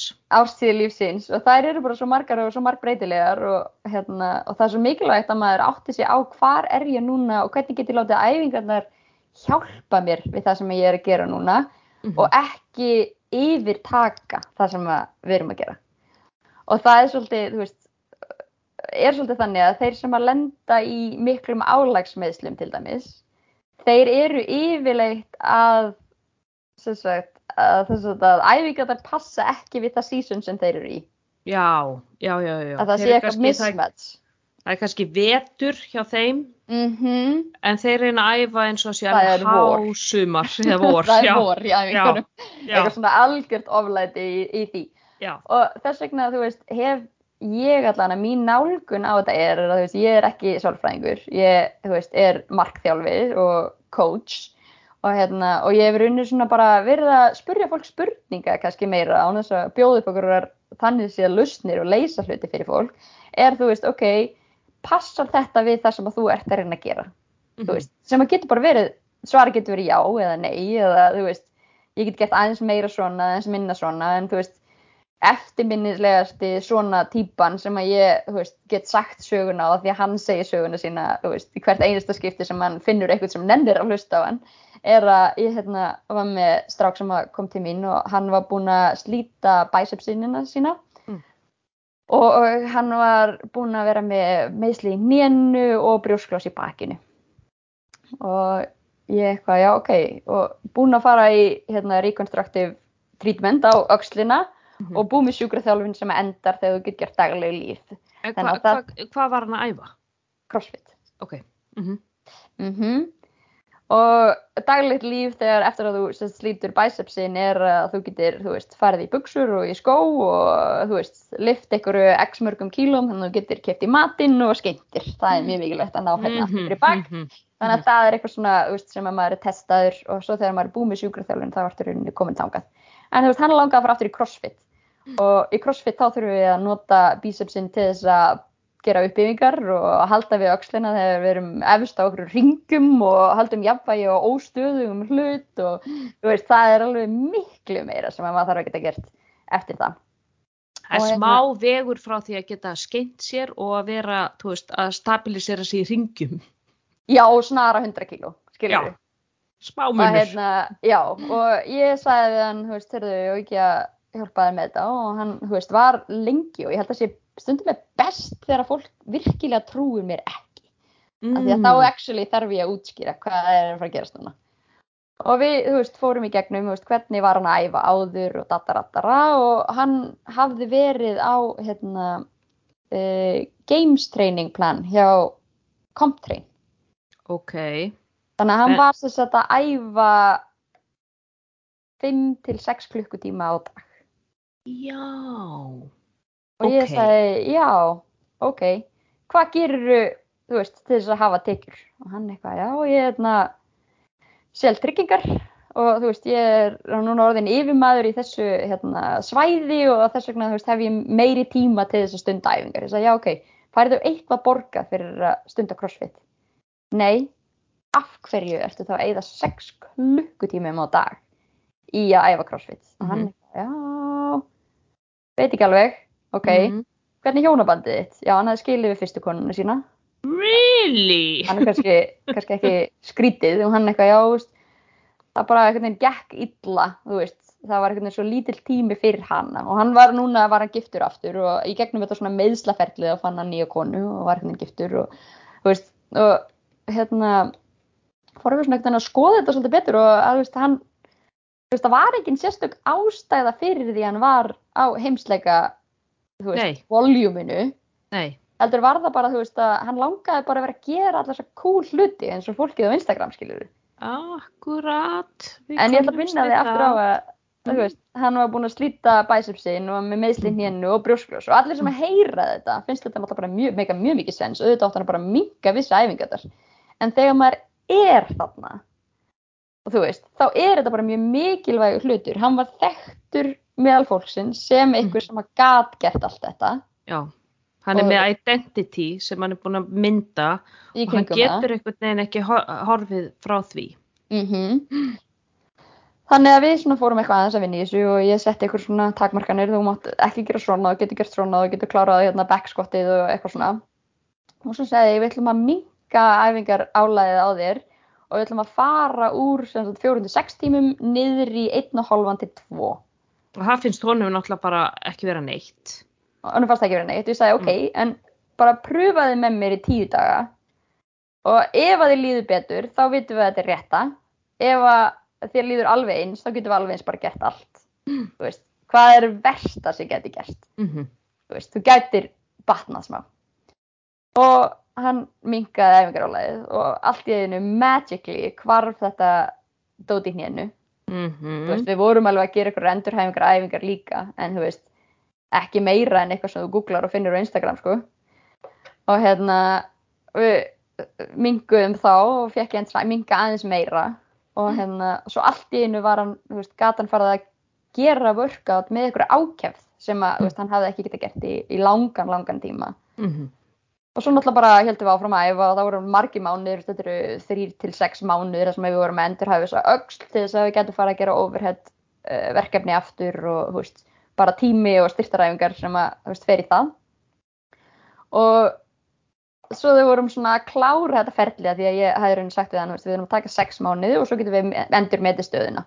En þú veist, þú voru að trista mér í sex mánuði. Og svo þau komaði að við ætlum að skoða hvernig þetta hefði allt gengið, þá, þú veist, var hjónabandið hans betra. Hann Já. var betri pappi. Hann var miklu betri í vinnunni, hann hefði fengið tvær stöðu á hækkanir síðan. Hann uh, stóð sér gríðarlega vel í æfingum og var búinn að bæta þess að PR sitt í snatsi frá því fyrir, veist, versus eftir aðgerð. Það var hann betri, hann reyfði sér betur, hann var búinn að bæta clean and jerk. Hann var búinn að bæta við, hann gæti gert, þú veist, x mörg muscle up í röð og eitthvað svona. Mhm. Þannig að, að minka Mhm. æfingarnar og ég líka sett eitthvað svona, veist, hann mátti bara hita upp í 25 minútur því hann er svona típan sem tók alltaf tvo tíma að hita upp hérna, og við minguðum það veist, hann átti bara að líða nógu vel þegar hann lappaði inn í stöðina að hann var nokkuð tilbúin að taka æfingu dagsins Já. Ég Og get ef að- ímynda mér sko í hinnu var hann ekkert að ná recovery á milli þannig að hann var kannski ekkert að ná neinum almennlegum bætingum heldur. Þó hann engum. ræfað svona mikið. nei, þess vegna brotnaði allt, skilur við Já. Og Og engin verið algjör sko, algjör miðtöðakerfis sko breakdown líka. Og svo það er svo rosalegt erfitt fyrir, en það er samt svo erfitt að greina það af því að, þú veist, að því að hvenær ertu bara latur eða ertu með miðtöðistarfi kerfis Mhm, mhm, pælingu Þú veist, og ég Mhm. veit alveg að við töluðum um þetta líka þegar við vorum að tala um þína reynslu með ofþjálfun en mhm. þú veist, engum sem að líður eins og þau séu ómótiveraður hugsa nokkuð tíman um að það sé eitthvað external sem að sé að trubla þau þar Nei. öllir, allir halda Já. að þeir séu latir að þeir séu ekki að gera sér vel og hinnir að það sé bara eitthvað að þeim og þeir þurfum að gera betur Mhm. ég hef aldrei hitt neitt sem að fer ekki gegnum þessar pælingar Nei, þarf bara, nú þarf ég bara að girða mig í brók og bara hætta þessari, já, hætta þessari leti og þessum aumingjagangi. Það er alltaf þetta fyrsta samtal sem þú átt við, átt við í hausnum. já, en við erum mjög nánir vinnir í dag ég og þessi Já, gaur. ég og get ég er ekki það. lengur. En hérna, hann og konan hann segja alltaf já og eik bjargaði hjónabandin okkar. Já, það einmitt, er alltaf svona djókið. Já, hvernig þekkist þið? Já, eik bjargaði hjónabandin okkar og svo erum við bara vinnir í dag já. Og já og lagaði öxlina ég ekki ímynda mér að þú veist að það er líka alls konar gára áhrif sem að hafa komið hann fram eins og til dæmis, hann örglátt líka betra félagslíf, þú veist, allt hennu hefur hann tíma til þess að fara að hitta vini sína og gera eitthvað með þeim og það, þú veist, framleiðir serotonín og dopamin og oxytocin og þú veist, og þá fyrir hann að líða betur og, Mhm. og þú veist, og og fyrir að betri endurheimt betri en ekki einangrustu Akkurat, akkurat. En sko það er svo skemmtileg hérna blogg inn á, á síðunniðinni, Building Thriving Lifestyle, sem að heitir Top 5 Big Rock Nutrition. Mhm. Og það er svo þetta svona líka þessu sama við, þú veist, hvað er, hvað er svona þessi stórgríti sem við þurfum að hafa í huga þegar kemur að næringu, en við erum oft svona kannski stundum að fókusa bara á eins og bara, þú veist, hvaða, hvaða hérna, hvaða vítamín á ég taka eða þú veist hvað Mm. á ég taka kretín eða ekki þegar einhvern veginn kannski næringin sjálfi bara í ykkur ruggli þannig að Mhm. ég veit ekki hvort þú munir það sem, þú- Ég er ekki alveg allt skrifaði í dítilum, ég er næstu þarf ekki að leita þetta uppi, nei, Já, örglega að þú segir það. já, en það er eftir einmitt að tala um svona fókus á þú veist, á að, að, að borða þú veist, heila fæðu Mhm. að því það eru svo ótrúlega margar skemmtilegar greinar þarna inni á, á, hérna, á síðinniðinni og þess að þú tekur svona þessar, þessar greinar sem að svona, þú veist, þér finnst hafa verið já, svona mest lesnar og þú ert svona ánæðist með Mhm. eh, já, hún segir hérna, e- borða heila fæðu pass upp á þarmaflóruna þú veist eh, og forðast drikki sem eru mjög sigraðir borða mikið af hérna, ávöstum og gremmiti Mhm. og eins og þú segir less is more og Mhm. ég er svona stoppa aðeins við þar þetta er svona svolítið það sem að ég er svona svolítið verið að predika það er svona að, að uh, bara taka helmingina máltíðinni þegar þú fer út að borða Mhm. og, og setja hana bara til hliðar Já, og þú veist, þú getur bara tekið hana með eða þú ert ennþá svangur getur þú veist, borða hana mhm. og nota einmitt smæri diska, þú veist, setja eh, niður í svona, hérna, eh, bara svona niður í skamtastærðir. Mhm. Eh, hv- hvernig, þú veist, að því nú ert þú með gráðu frá Precision Nutrition, þú veist, hvernig mm. -hmm. leiðbenni þú fólki með næringu? Sko, næringin náttúrulega, veist, aftur þetta svona tvinnast inn. Ég er, unni, veist, er svona one-stop shop Mm. fyrir alls konar, þú veist, mismunandi, en oft þegar fólk ætlar að fara að ráða sér eitthvað til að laga meðslinn, þá er það líka með spurningur um næringu, þannig að veist, þess vegna tók ég í rauninni gráðu í sagt, næringu, þannig að ég væri þá með góð ráð ef ég ætla að fara að ráðleika ykkur um á annar borð. Mm -hmm. En sko mín nálgun á næringu er að veist, þetta er náttúrulega hrikalega stór partur af því hver við erum og hvernig við erum með öðru fólki. Og það að vera okkur svona ógeðslega strikt fæði og þurfa að vera með okkur ógeðslega flóknar reglur og þetta þurfi alltaf að vera í sko föstum handtökum Mm. er bara eitthvað sem að kannski virkar í mjög stuttan tíma og með það að ná ykkur mjög ákveðinu og svo er líf sem heldur áfram eftir það.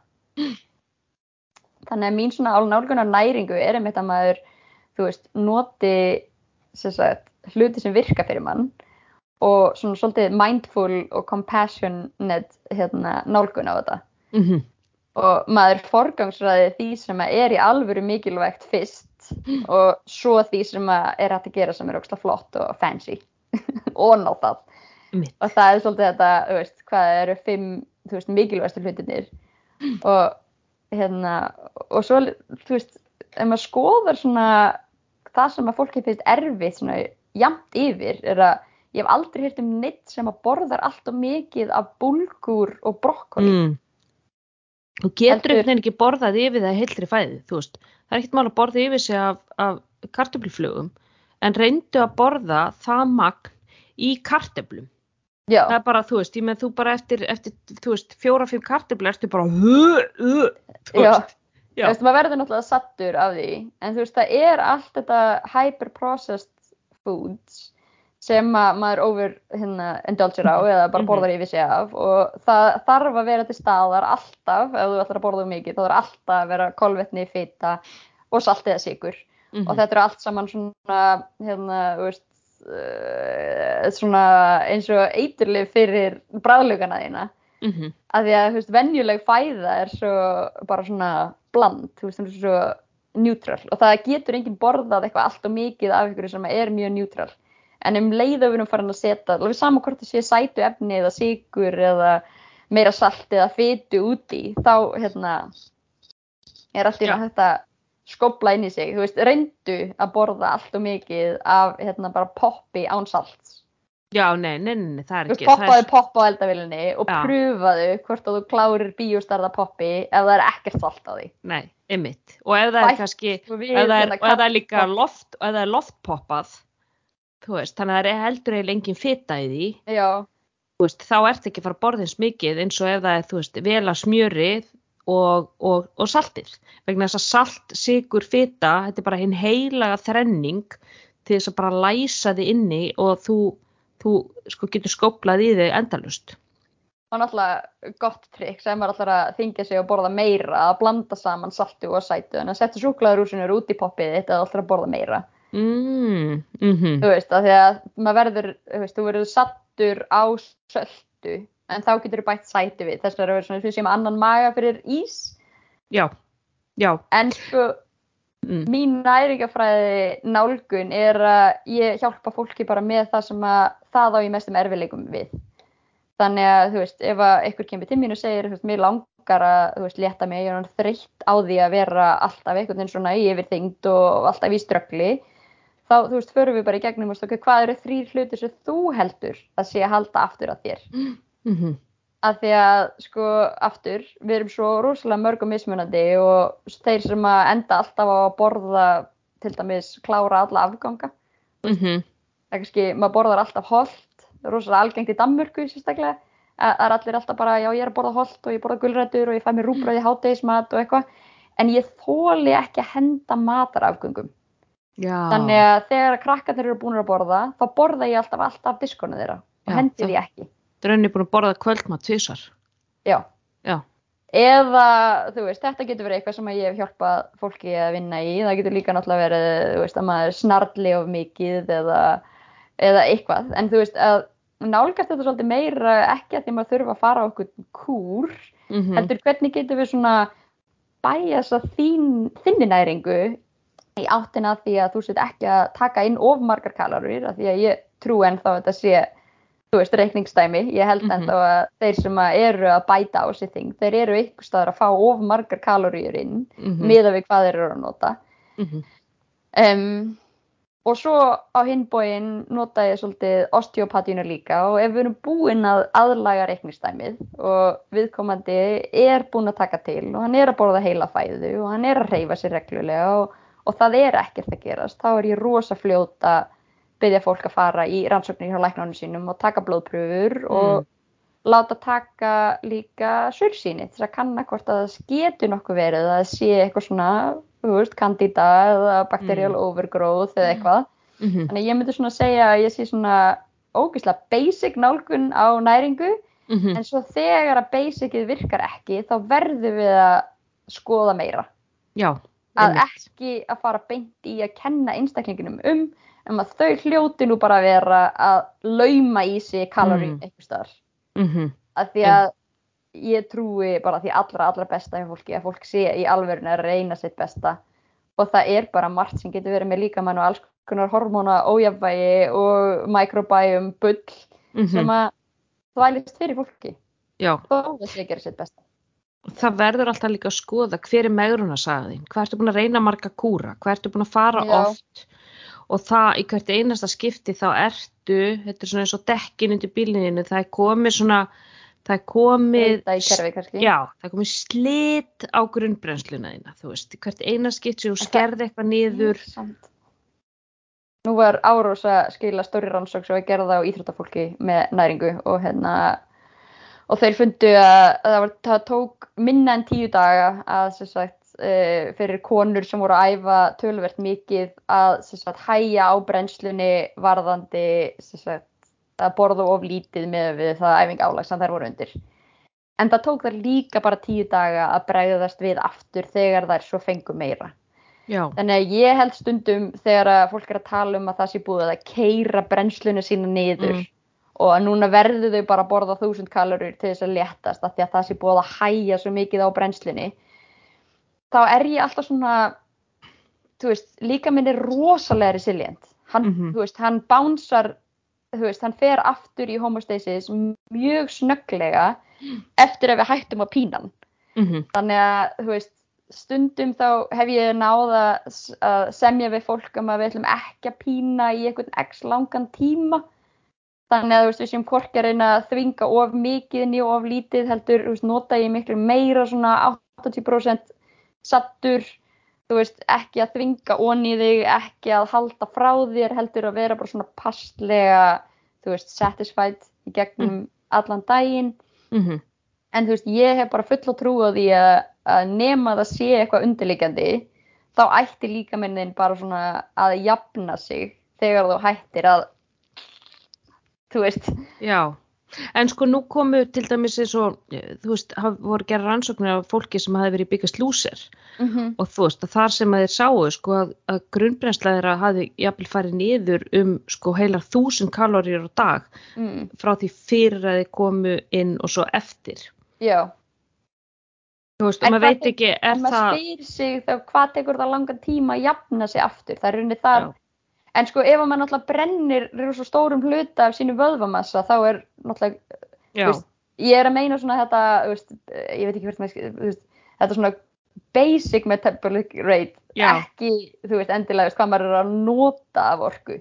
nei, nei, það, er- það er svo, ma- þetta er svo að því, að, sko, þeir segja eftir heilanum er brennslukerfi eða þú veist, þú veist þetta, þetta meta, veist, metabolism sem ég, þú veist, er það grunnbrennsla eða Já, er samt ekki grunnbrennsla því að þú veist það er einmitt basal metabolic rate. En allavega þú veist allt í kringum þú veist bara, bara hvernig við ferlum og nýtum orku úr fæðu það er næst flóknasta kerfi líka maður svo eftir þú veist og þeir bara já. skilja ekki alminlega en, ennþá. Veist eins og til dæmis þegar að vera að gera rannsóknir á, á, á sko ættbálk sem heitir Hotsa mm, og er eitt svona einn af fáum ættbálkum sem eru ennþá svona uh, veiðimenn og safnarar, þú veist, svona höndir gaðerir samfélag og eru bara lifa bara eins og bara, fru, þú veist, okkar bara frummenn, skilur eru bara veiða sér til matar og, og, og þá sjá þeir sko, þeir eru náttúrulega gríðarlegri hreyfingu allan daginn og þeir borða ekkit ekki sko nándar nærri í samræmi við það. Nei, og af hverju eru þeir þá ekki bara gangandi beinagrindur skilu, að því þeir eru og, og brennslan þeirra hún aðlaga sig bara. Hún sig já. bara að minni intöku, meiri Mhm. hreyfingu og þú veist þannig að hún bara hægir aðeins á sér í, í, í staðin En ég nefnilega var að tók æfingu um daginn í krostköllu þar sem ég er að ræfa núna. Og þar var einmitt einn sem að sagði við mig hérna, brennir þú ekki bara alveg ótrúlega miklu á svona crossfit æfingum? Mm -hmm. og staðrindin er svo að ég brenni alls ekki miklu á crossfit æfingum. Bara yfir höfuð ekki. Af því að ég hreyfi mig vel og Mhm. það er rosalega lítil mótstaða í hreyfingum. Ég er miklu sterkari heldur en það sem að þarf að vera að gera þú veist ef við erum að taka bara eitthvað svona air squats og, og upphýfingar Mm veist. Þannig að ákefðin þess að effortið til þess að halda því uppi er mjög lítið. Þannig að veist, það fer ekki, fara ekkert eitthvað ofsalega margar kaloríur hjá mér í að fara að æfa í, í 1-2 tíma á dag.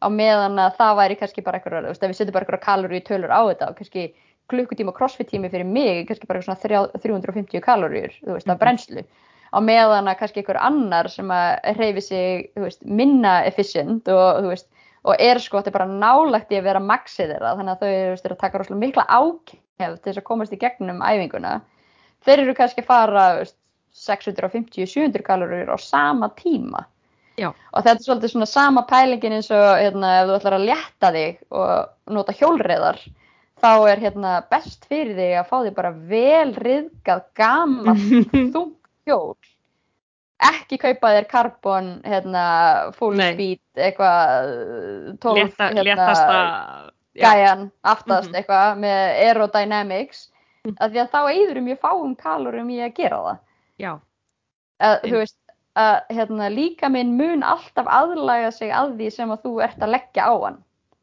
já og það er líka fyrir þig, þú ert búin að gera crossfit svo lengi að fyrir þig er þetta, þú veist, það er, það er þarna svo styrkar hefða tögabrötunar í að sko gera hreyfinguna mm. og þú ert í það góðu formi en fyrir eitthvað sem að sko er ekki góðu formi þarf að hugsa rosalega mikið um Mhm. hvernig hreyfingarnar eru gerðar og hann kann þetta ekki alveg lötur, allt sem hann nýtt fyrir líkamann, hann Mhm. brennir miklu meira veist, og maður finnur að þegar maður fyrir nýja hreyfingu eins og ég manni talaði held ég um sund hjá, í, í þínu podcasti.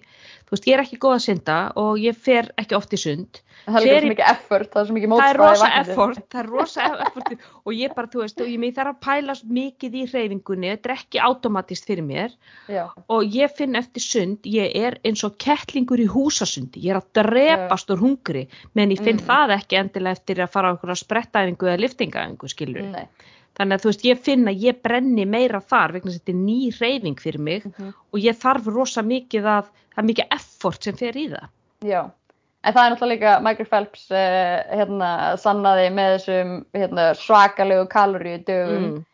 að hérna, reyfingin sem hann gerði og hans basic metabolic rate var ekki nóg til þess að útskýra af hverju hann var ekki að þingjast með við kaloríunar sem hann borðaði Mm en að því að þú ert í sagt, setur líkamæðin í vatn sem er 10 gráðum kaldara heldur en þinn eigin líkamsiti þá fara líka x margar kalorir í að halda þér á hita. Já, þannig að sund ekki það ég sé að mæla endilega með því fyrir fólk sem er að leta sig en þú veist í sundi þá er ekki bara þú ert ekki bara að brenna kalorinum til þess að reyfa þig þú ert líka að brenna kalorinum til að halda líkamsetunum þínum í 38 gráðum.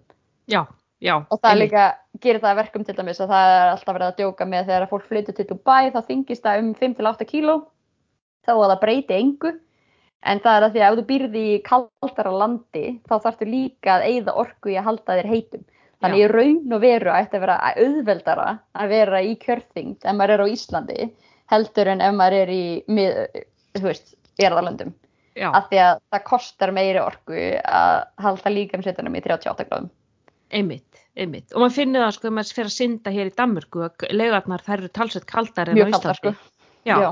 ég man þegar ég fór fyrst inn í sund, ég gæti ekki klára 500 metrar með og ég var bara í orðum blá í framann. Já, veist, já, ég, ég var bara eftir ykkur 300 metri, ég ég get þetta ekki og ég Já. bara hríð skalfi bara marga klukktum eftir, en þú veist, svo venst maður því, en þá finnst mér núna þegar ég fer að synda á Íslandi, minnst þess að ég synda bara í heitum potti, ég bara, þetta er allt og heitt, já, þannig að þú veist, maður getur vanist öllu, sko. algjörlega Já, Eik, þú ert frábær, þú, það er bara, ég er að segja þér, það verður bara Ég part góð 2 með. Eik.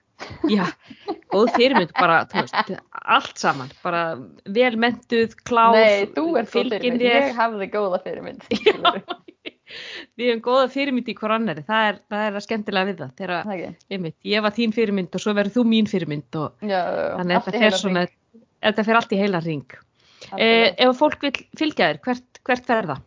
Herðu, fylgja hvað ég er svona bardúsað sjálf, hvað ég er að uh, æfa og hvað mér finnst gaman, þá er þetta fylgja mér á Instagram, á Eik Gilva dóttir, er það Eik Gilva dóttir? Já, ég held það, Ég held að það sé Instagramið Eik mitt. Gilvadóttir, já. Mm og ef það hefur einhvern áhuga á sagt, þessum podcast-táttum sem ég seti út einu sinni í viku sem er svona blanda viðtölum og bara svona almenni fræðslu um æfingar og næringar eða hérna eitthvað svona fræðslu efni þá má endilega fylgja Thriving Lifestyles og svo er spurning hvort að þegar allt er komið upp í, ég er að setja upp fyrirtækið á Íslandi með hérna, sérhæðar endurhæfingar á allanir. Þegar það verður komið þá fær það sér síðu en það er ekki alveg komið að því ennþá. Við þurfum að Ok. leysa nokkur svona landlæknismál og annað skemmtilegt fyrst. Já, einmitt, alltaf, alltaf hressi, hressandi þessi skriffinska. já, alveg. Við Já. þurfum að þýða sjúkurþjálfur réttindinn og, og koma þessu þannig að sé hægt að fá endurgræslu frá ríkinu og, og annað til þess að vera í þjónustu hjá mér Mm þannig að ég kem því í gang fyrst og svo er hægt að finna með eitthvað ef maður hefur áhuga á því Undir einhverju íslensku, íslensku heiti eða eitthvað svo Já, fyrirtæki heit, heitir Drífandi þannig að það er Ó. íslenska, Já, drí, íslenska útgáfan af Drífandi. drífandi og drífandi, æðislegt. Eik, bara takk kærlega fyrir að koma í heilsuvarpið og til ykkar hlustundi góðir, takk kærlega fyrir að hlusta og þráng til næst, verið bless.